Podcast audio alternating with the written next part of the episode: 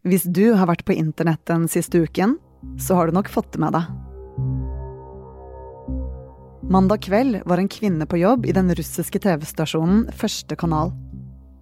Ute av syne for kameraene holder hun en hvit plakat med tekst i svart tusj. Der står en beskjed til det russiske folket.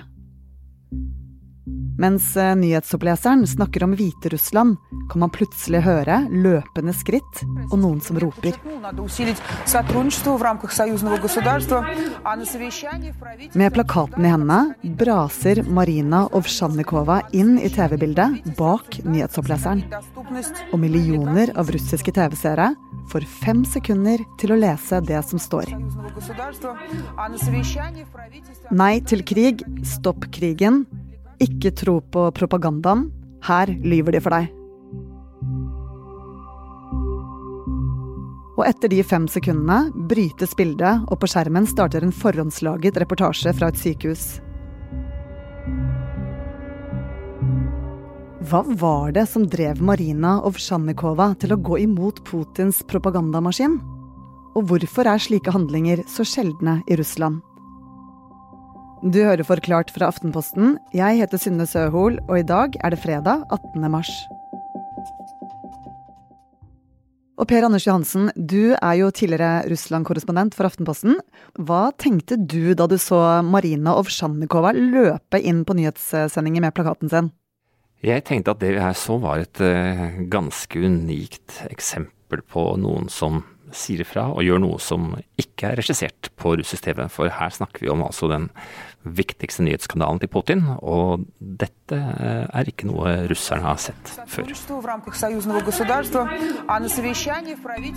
Dette var egentlig det første helt usensurerte uttrykket eh, for at det er uenighet i Russland om det som skjer i, Ukraina. Eh, det var første gang de som sitter og ser på Putins regisserte nyhetskanaler, fikk se at det var en som faktisk var helt uenig. Og den personen var en blond dame i en svart dressjakke. Marina Ovsjanikova. Hun ble født i 1978 i Sovjetunionen, i det som i dag er i Ukraina. Hun vokste opp med ukrainsk far og russisk mor, og etter hvert flyttet de til Russland. Der begynte hun å studere journalistikk. Hun jobbet seg opp i TV-bransjen og endte opp som nyhetsredaktør i den statlige nyhetskanalen Første kanal. Marina levde jo et veldig beskyttet, jeg vil si nærmest privilegert liv i Moskva. Eh, journalister som jobber i Vremi har en fire-fem ganger høyere lønn enn journalister i mer uavhengige medier. Eh, så hun var på mange måter på toppen av kransekaken. Hvor planlagt tror du det stuntet var? Dette var et planlagt stunt. Marina hadde på forhånd spilt inn en videomelding hvor hun forklarer hvorfor, hva som fikk henne til å gjøre dette her, og hun hadde skrevet sin plakat. Videoen, som hun hadde laget før TV-stuntet, ble publisert etterpå. I den står hun foran en bokhylle. Og rundt halsen har hun et smykke med de ukrainske fargene på venstre side og de russiske på høyre. Hun sier at det som skjer i Ukraina, er en forbrytelse, og at Vladimir Putin alene er ansvarlig for det som skjer. Hun sier at de siste årene har hun vært med på å lage propaganda. Og at hun skammer seg over at hun lot regimet fortelle løgner og gjøre det russiske folket til zombier. Det må ha vært et eh, veldig tøft valg for henne å gjøre dette her, for hun eh, visste at dette ville få store konsekvenser. Hva risikerte hun ved å gjøre det stuntet? Og hun visste når hun gjorde dette her, at hun eh, for det første risikerte jobben sin. Hun risikerte fengselsstraff. Hun ville garantert få bøter. Og, og, mange av de hun var glad i eller kjente, risikerte også å miste jobbene sine. Det er nok mange som nå av hennes venner som sitter og er litt redde. Men oppnådde Marina Ovsjannikova noe ved å ta denne risikoen? Tenk deg selv. Hva ville du tenkt hvis noen løp inn på en norsk TV-sending, braste inn på Dagsrevyen hos NRK med en plakat om at NRK lyver?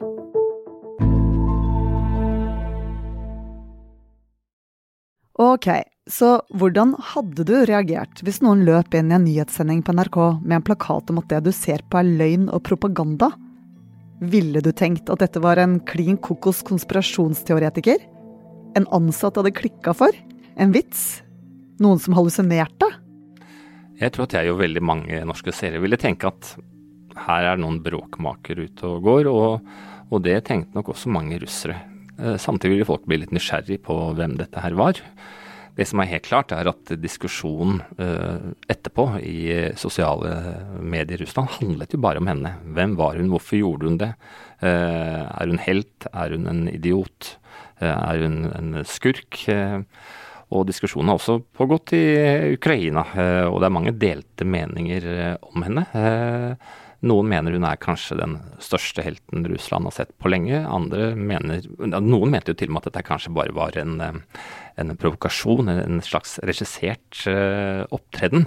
Hvor kanskje den sånn, skumle planen var å kvitte seg med sjefen i Kanal 1, som jo er jo en av de mektigste, mektigste personene i Putins medieverden. Så det har vært en stor reaksjon på dette her i Russland? Hennes navn er nevnt i tusenvis av, jeg vil tippe hundretusener av poster på russiske sosiale medier, på V-kontakt, Instagram og andre steder. Og det er mange ulike aviser som har skrevet om det. Både, og ikke bare uavhengige aviser, men også andre. Det ble på en måte en hendelse man måtte forklare, pakke inn på en eller annen måte. Og selvfølgelig, ganske mange har vært eh, nysgjerrige. Og så tenker jeg at det satt en del russere som der fikk en følelse av at ok, jeg er kanskje ikke helt alene når jeg mener at det som skjer i landet mitt nå er virkelig galt. For det er ikke vanlig å snakke høyt om i Russland. Russland har gjennom de siste 10-15 årene utviklet seg i retning av å bli stadig mer autoritært. og i dag styrer jo Putin et eh, system som mange kritikere betegner som preget av visse fascistiske trekk. Altså en ekstrem maktkonsentrasjon. Eh, represalier mot de som mener noe annet. Eh, og eh, først og fremst et, et syn på omverdenen, altså hvor vi i Vesten fremstilles som dekadente, nærmest avhumanisert, mens Russland derimot er altså Guds rike på jord, som bærer, bærer en arv da, som, som, gjør dem til helt unike og mye bedre enn alle andre. Men likevel har det vært noen små russiske protester mot krigen i Ukraina. 15 000 mennesker er arrestert i de demonstrasjonene. Noen for å vise plakater med 'Nei til krig', andre for bare å holde opp en blank plakat. På andre siden så er ikke dette her veldig mange mennesker, fordi at det som vi har kunnet se med egne øyne, er at hver eneste en i Moskva, i St. Petersburg, som har våget å demonstrere, har blitt arrestert.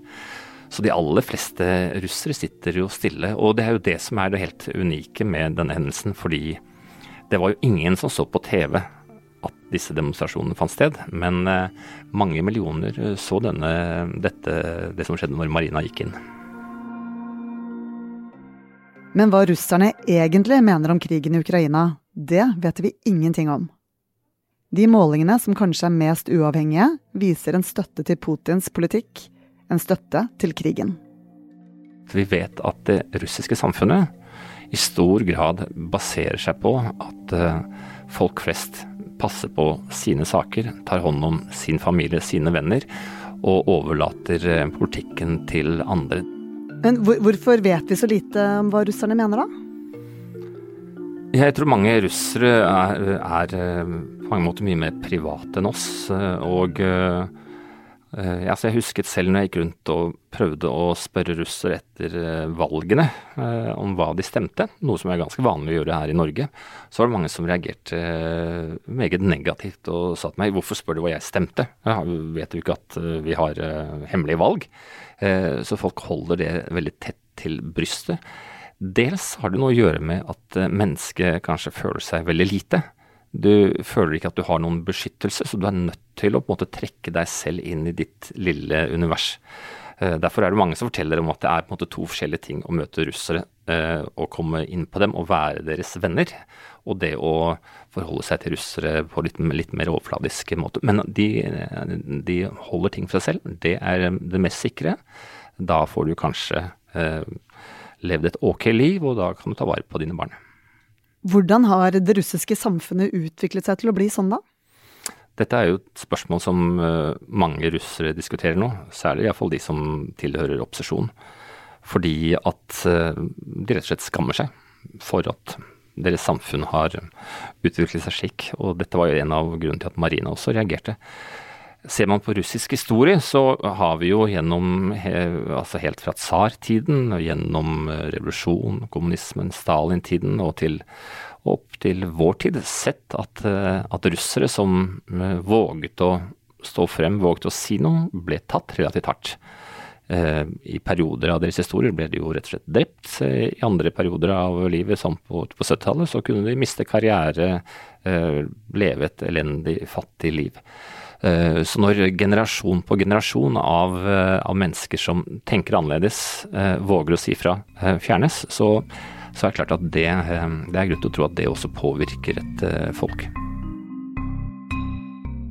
Og Russlands president Vladimir Putin og hans gjeng i Kreml bruker mye energi på å kontrollere hva det russiske folk skal få vite. Et viktig verktøy her er skolene. Dette er jo noe som har gått under radaren for mange her i Vesten, men det er mange år siden Russland eh, fikk sin eh, patriotiske læreplan. Altså det var fag som ble lagt inn på skolen som eh, skulle sikre at russiske barn lærte seg å elske landet, og mer enn det, ofre seg for landet. Eh, barna i over, over ti år har fått i oppgave f.eks. å skrive patriotiske stiler. Altså ikke den beste stilen, men den mest patriotiske stilen. Eh, tegne det mest patriotiske bildet. Gutter har jo fått militær eh, trening fra i tiende klasse, og det har vært arrangert militære leker.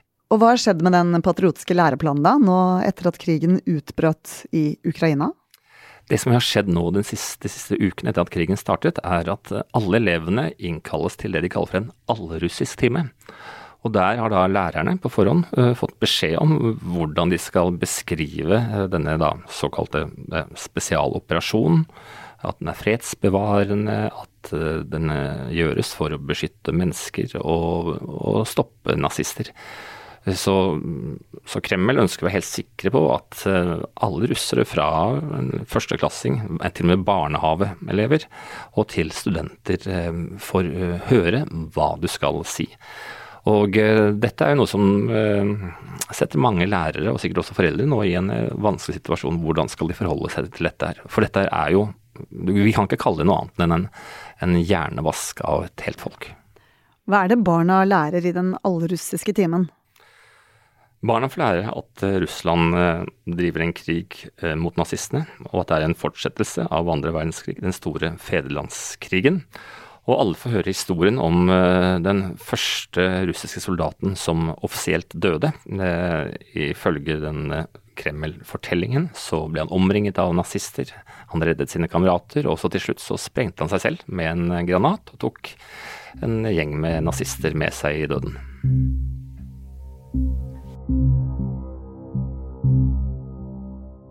Det var bl.a. pga. slik propaganda at Marina Ovsjannikova avbrøt TV-sendingen med antikrigsplakaten. Men er det nok til å starte et folkeopprør? En revolusjon? Ifølge en kronikk på nrk.no kommer det an på hvor mange som demonstrerer. Jo flere folk, desto større sannsynlighet er det for at de lykkes. Og i Russland nå er det tegn til at stadig flere mennesker dukker opp på protester. Andre ganger kan en gnist være nok. For ingen vet hva som rører seg i et undertrykt folk før det plutselig blusser opp. I 2011 tente en grønnsakshandler i Tunisia på seg selv i protest mot myndighetene. Og det var starten på de store protestene som blir kalt den arabiske våren. Men om antikrigsplakaten til Marina Ovsjannikova er nok til å starte en russisk revolusjon, det gjenstår å se. I går gikk jo eh, Marina ut av eh, domstolen med sin første bot. Og hva som skjer videre vet vi faktisk ikke. Selve boten fikk er jo ikke så veldig stor, litt over 2000 kroner. Men hun risikerer fortsatt en strengere straff enn dette, så prosessen mot Marina vil fortsette. Men det jo Kreml også har sett, er at nå har hun blitt et symbol. Og dette sa jo mange av hennes uh, venner og de som jobber for å hjelpe folk som blir pågrepet og arrestert, at uh, den beste sikkerheten for henne er jo at hun får stor oppmerksomhet. For uh, såpass sofistikert er jo Kremls apparat at de, de er ikke interessert i å lage for mange martyrer. Har stuntet fått en effekt? Vi ser jo fortsatt ikke noe særlig tegn til at uh, russere flest har begynt å bevege seg. Det er altfor få som demonstrerer, og det kommer fortsatt altfor få eksempler på at noen faktisk sier fra at dette er ikke går. På andre siden så mm, har jo krigen nå vart i tre uker, og uh, jeg tror at jo lengre krigen varer, jo, jo, flere tegn vil vi se på dette her. Krigen koster vanlige russere noe. Alt blir dyrere rundt dem, varer forsvinner. Og, og russerne vil betale en høy pris for Putins krigføring.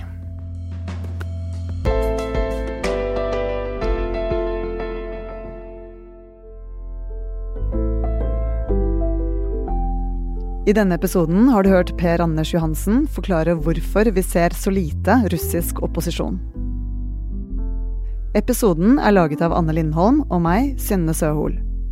Resten av Forklart er Anders Weberg, Fride Næss Nonstad, Marte Spurkland, David Vekoni og Jenny Førland. Lyden du hørte, er fra OVD via Twitter og første kanal.